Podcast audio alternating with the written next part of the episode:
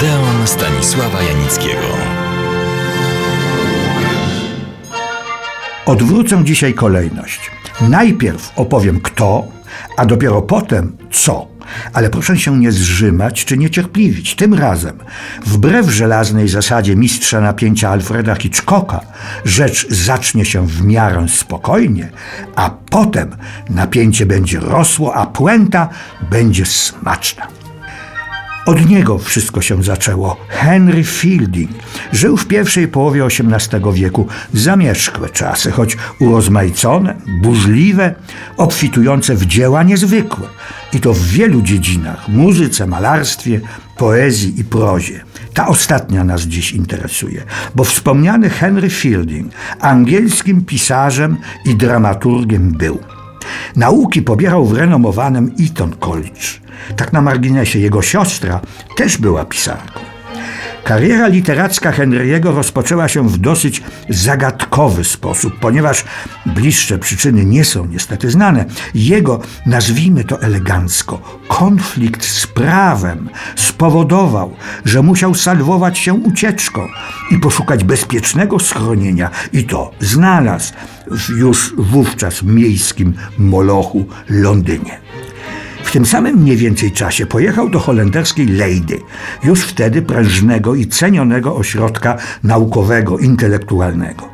Wróciwszy do ojczyzny, zaczął pisać sztuki teatralne, ale nie były to ckliwe, tak modne w XVIII wieku, sentymentalne, lecz sztuki ostre, chyba nawet za ostre, satyryczne na ówczesny rząd.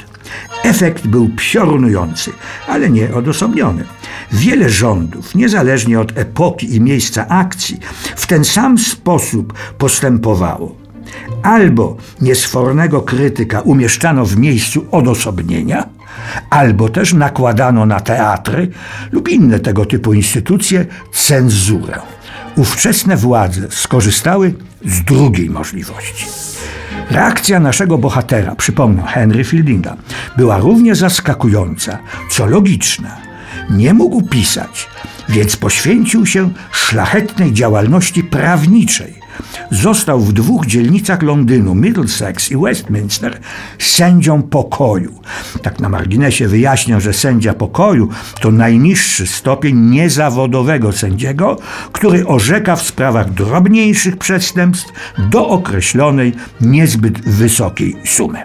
I tym Henry Fielding się zajmował, ale swego ostrego pióra, rzecz jasna, nie schował.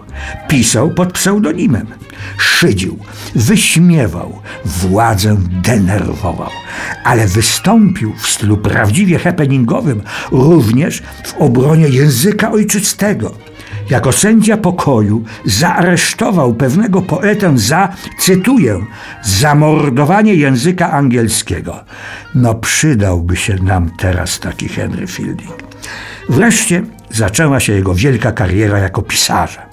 Zaraz do niej wrócę. Dopowiem tylko, że żona pisarza, Charlotte, która była pierwowzorem wszystkich jego pozytywnych literackich postaci kobiecych, niestety zmarła.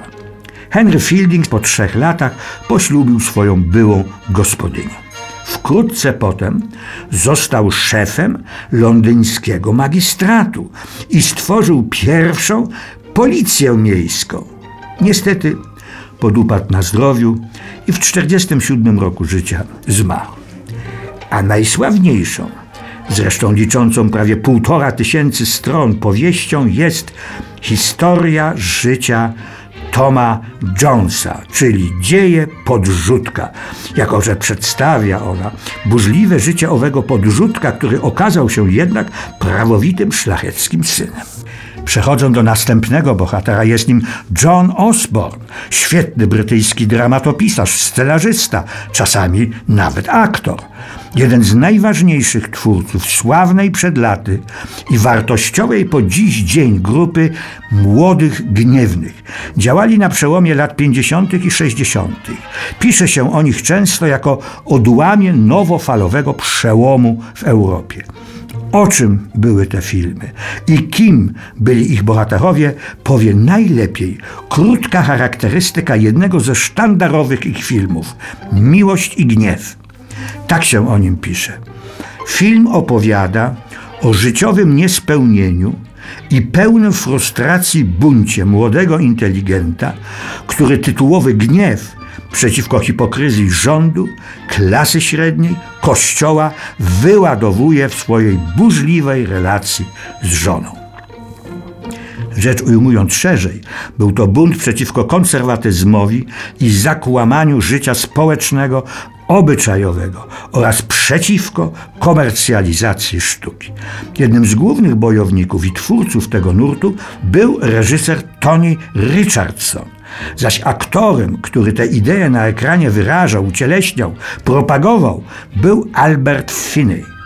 Cała ta czwórka pisarz Henry Fielding, dramatopisarz John Osborne, reżyser Tony Richardson i aktor Albert Finney zrealizowali film nie, wcale nie spod znaku brytyjskich młodych gniewnych, a zupełnie inny, swawolny, optymistyczny, tryskający, jak to się dzisiaj mówi, energią, sławiący miłość, ale niekoniecznie tę sentymentalną, raczej burzliwą, pełną przygód, dającą jednak radość, mimo wszystko. Ale o tym opowiem za tydzień. Serdecznie Państwa do Odeonu zapraszam.